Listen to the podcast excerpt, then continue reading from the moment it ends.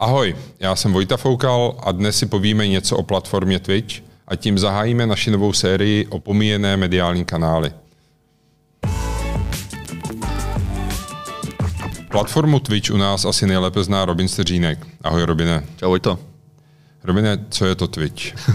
Twitch je velmi zajímavá platforma, primárně na streaming eh, her, to znamená, lidi se dívají, jak někdo jiný hraje hry. Je to trošku zvláštní, ale dneska velmi populární. Ale taky už to není jenom o tom. Je tam eh, třeba videa o tom, jak někdo hraje na nějaký hudební nástroj a vlastně tím učí ostatní, že je poměrně zajímavý. A taky se tam dneska chodí lidi jen tak pokecat. A Robine, můžeš nám ten Twitch ukázat? Jasně. Twitch je uh, takováhle webová stránka, kde vidíme aktuálně podporované streamy, respektive propagované, pod tím náhodný nějaký výběr, jednotlivé kategorie a pak se můžeme podívat i níže. Co je na tom za mě zajímavého, tak jenom tam přijdeš, tak už ti hraje rovnou nějaký video. Můžeme se podívat i na jednotlivé kategorie, kde vidět, že je to primárně, primárně o těch hrách, ale právě jsou tady i kategorie music nebo velmi až občas kontroverzní ASMR a spousta, spousta dalšího.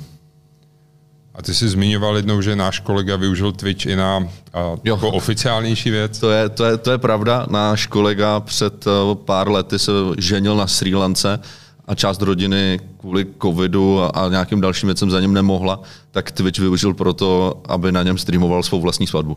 Jo. OK, jsme tady kvůli reklamě, jsem zadavatel reklamy. Je Twitch pro mě? Jsou tam vůbec nějací lidé? Jsou tam lidé, není, tam, uh, není to samozřejmě Facebook nebo YouTube, kde bychom to počítali ve velkých milionech, ale i na českém trhu je to, má to zhruba milion uživatelů měsíčně a přehraje se tam jako velká spousta minut. Ti lidi to poměrně hodně tráví. Takže ano, může to být, záleží samozřejmě na produktu, ale je to zajímavý kanál s milionovým zásahem. A pokud jsou tam streamy, co, co je ten formát? Tam, jsou tam banery, nebo jak se tam dostanu? Těch formátů je tam několik. Jsou tam jak klasické banery, 300 na 250 a podobně, které se většinou skrývají někde tady jako níže. Například tohle to bude nějaký banner, tak ten primární formát je, že právě v těch videích uh, přímo v tom streamu tak je 30 vteřinová nepřeskočitelná reklama, která je poměrně, jako, dá se říct, otravná, protože vy se díváte na něco, co je live a v nějaký moment tam prostě spadne 30 vteřin reklamy. Takže občas, je to, občas uh, to ti uživatelé úplně nemají rádi, ale většina, většina reklamy je taky samozřejmě přímo na začátku, na začátku toho streamu. Jak už jsem říkal, je to 30 vteřin, které jsou nepřeskočitelné a tohle je vlastně primární, primární formát pro, pro Twitch. Twitch nazývá Twitch Premium Video. Mm-hmm. A pro který z našich brandů si myslí, že Twitch zatím fungoval nejlíp? Aktuálně nejspíš pro Nintendo, kde je přesně ta jejich cílovka. Zároveň i streameři streamují na Nintendo Switch, Switch jak hrajou, takže úplně jako to pro ně sedí. A je nějaká ještě firma tady česká, kde si, co si pamatuješ z poslední doby, že to udělali dobře? Za mě si myslím, že to velmi povedlo ČSOB, bance, která ukázala 30 vteřinou nepřeskočitelnou reklamu, jak už to tak bývá, a přesně to sedlo, že i ta kreativa byla uspůsobena tomu, že je na Twitchi. A pokud jsem teda zadavatel reklamy, jak si vlastně Twitch koupím? Jdu do Google Ads, do s tam to najdu, nebo musím zavolat někomu do Ameriky, no. jak to celé funguje? Tohle to by bylo hezký, kdyby to takhle jako jednoduše fungovalo, ale jak už to bývá, je to trošku, je to trošku složitější. I když je pravda, že v Americe to funguje dost, dost zásadně jinak. V Americe totiž Amazon, což je majitel Twitche, to je možná potřeba říct, provozuje svoje vlastní DSP, Amazon DSP, přes které se to dá programaticky nakoupit. To však v Evropě především teda, když to řešíme pro český trh, tak v České republice nefunguje a je potřeba se s Twitchem domluvit napřímo což taky nebývá vždycky úplně jako jednoduché. A my jsme se tady s tím jako dlouho, dlouho potili, protože žádný ze známých kanálů, který říká, nebo landing page, které vedou k tomu, jak inzerovat na Twitchi, tak ten jejich formulář buď vůbec nefunguje, nebo rovnou končí v koši ty, ty jeho odpovědi. Pokud to tady nemůžu v Evropě nakoupit přes Amazon DSP, jak si vlastně Twitch koupím? Jo. Je potřeba se s nimi spojit napřímo, ale jak říkám, přes ten jejich formulář to úplně nejde, takže je potřeba si najít cestu přímo k někomu ve Twitchi.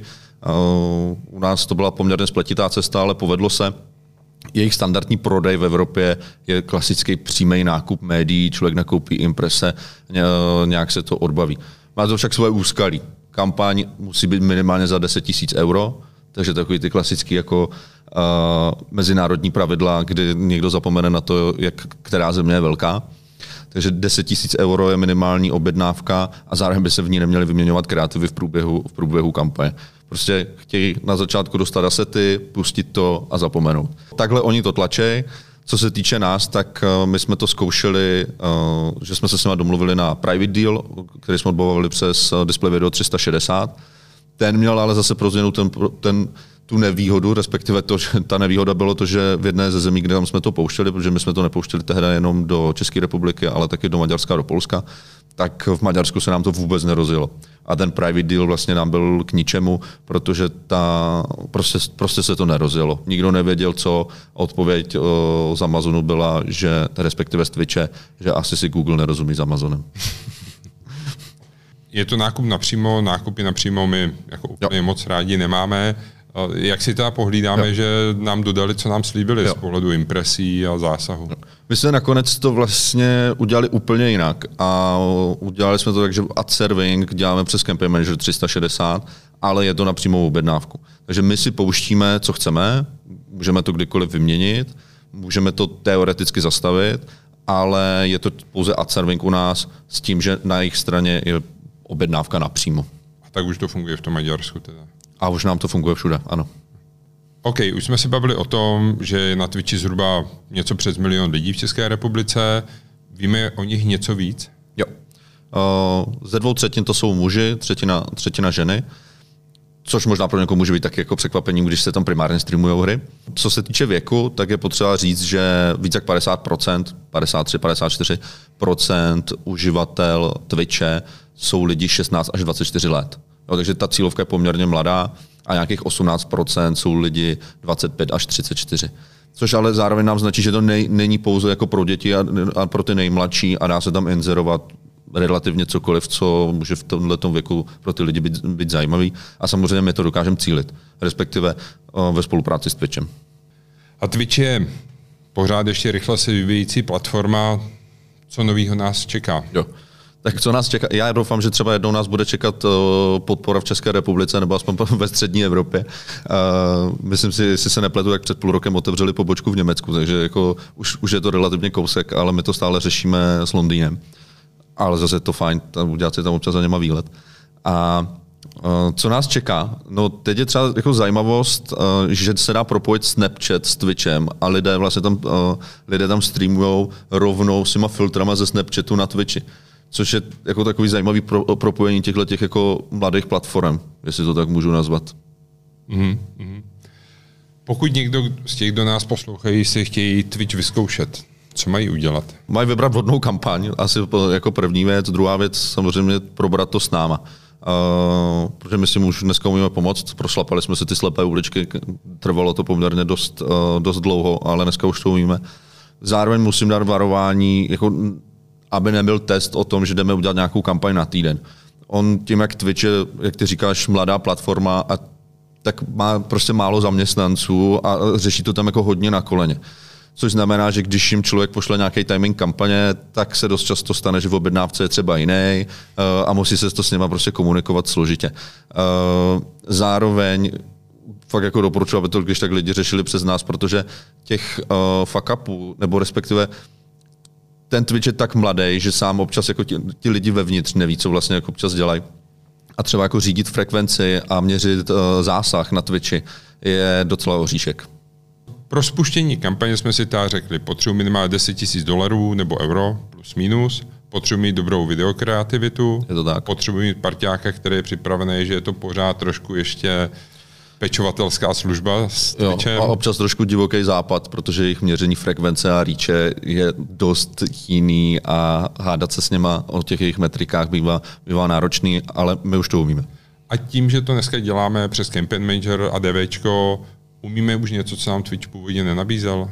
Jo, umíme měnit kreativu v průběhu, protože vlastně v rámci Campaign Manager 360 si to měníme sami dle potřeby a to je asi to primární že můžeme si řídit takhle tu kreativu a hlavně, což je možná ještě důležitější, máme přesný přehled o tom, jestli to běží nebo neběží. Protože dost často se stane, že kampaň už má běžet a tak my píšeme, voláme, co se děje a tak potom po nějakých urgencích nám to skutečně pustí. Mm-hmm. Bavíme se tady celou dobu o Twitchi, o hrách. Co je tvoje nejoblíbenější hra, na kterou jsi třeba koukal na Twitchi, na nějaký návod, livestream, co tě nejvíc zaujalo? Nejvíc asi, protože eh, když jsem byl mladší, tak jsem hrával o hodně CS, takže jsem se díval na pár, na pár streamerů, jak to vlastně dneska válej, jak hrajou a že jsou úplně někde jinde, než jsem kdy byl já. A CS pro ty, co hry nehrajou? Counter-Strike. Counter-Strike, tak díky moc. Jo, taky díky. V rámci série Opomíjené mediální kanály máme pro vás připravené mimo jiné témata Twitter, Snapchat a TikTok. Těšíme se na příště.